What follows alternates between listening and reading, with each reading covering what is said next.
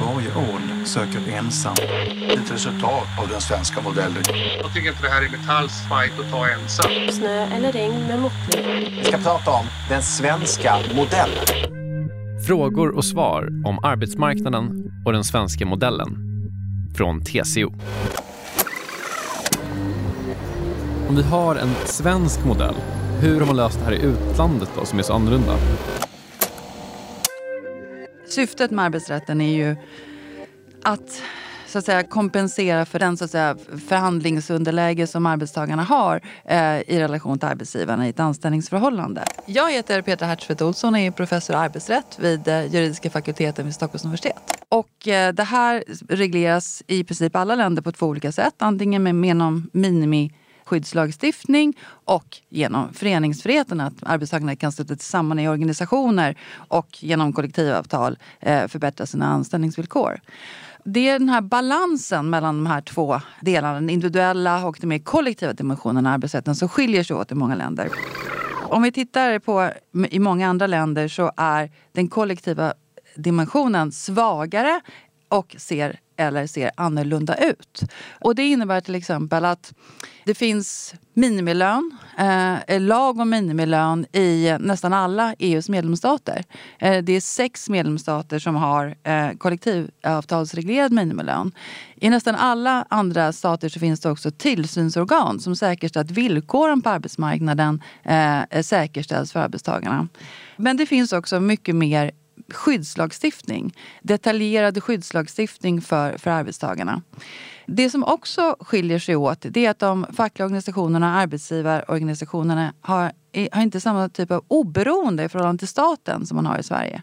Vilket innebär att även om det träffas kollektivavtal, om det finns en omfattande föreningsrätt och möjlighet för arbetstagare att träffa kollektivavtal och ansluta sig, så lägger sig staten i innehållet i kollektivavtalet på ett helt annat sätt. Och också lägger sig i tillämpningsområdet för kollektivavtalet genom till exempel allmängiltigförklaring av kollektivavtal.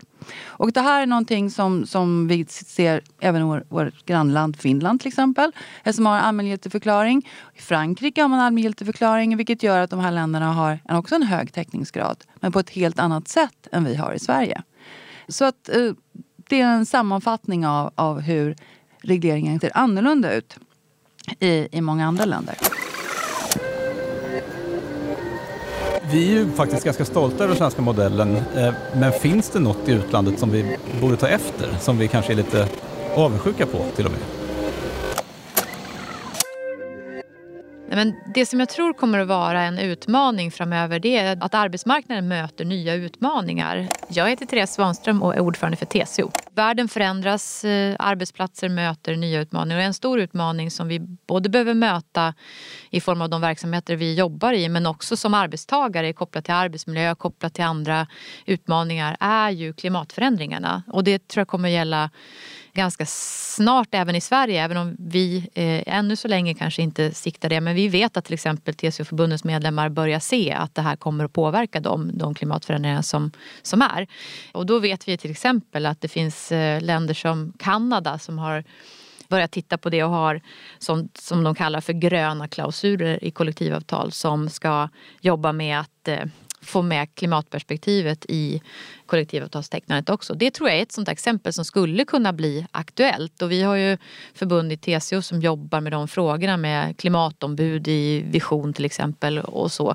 Men det kan nog mycket väl bli en fråga framöver som kollektivavtalen behöver sikta på. Mm. Det, det, det, tror jag också. Och, och jag eh, avslutade tillsammans med några kollegor ett forskningsprojekt för, för några år sedan som, där liksom hållbarhet var ett övergripande tema. Och då eh, letade jag faktiskt just efter goda exempel från, från svenska parter hur man arbetar med de här frågorna. Och det var ganska svårt eh, att lyfta fram exempel. Eh, här kändes det inte som att vi kunde vara den här föregångslandet som vi är i, i många andra sammanhang. Så att, eh, Intressant. Ja. Mm. Så det, det, är också någonting som jag tror är, är otroligt viktigt. Och det här är också en fråga som, som mina kollegor runt om i världen är väldigt upptagna av. Att fundera om hur facket kan så att säga, omhänderta också det här intresset och säkerställa att, eh, att bidra till den gröna omställningen helt enkelt.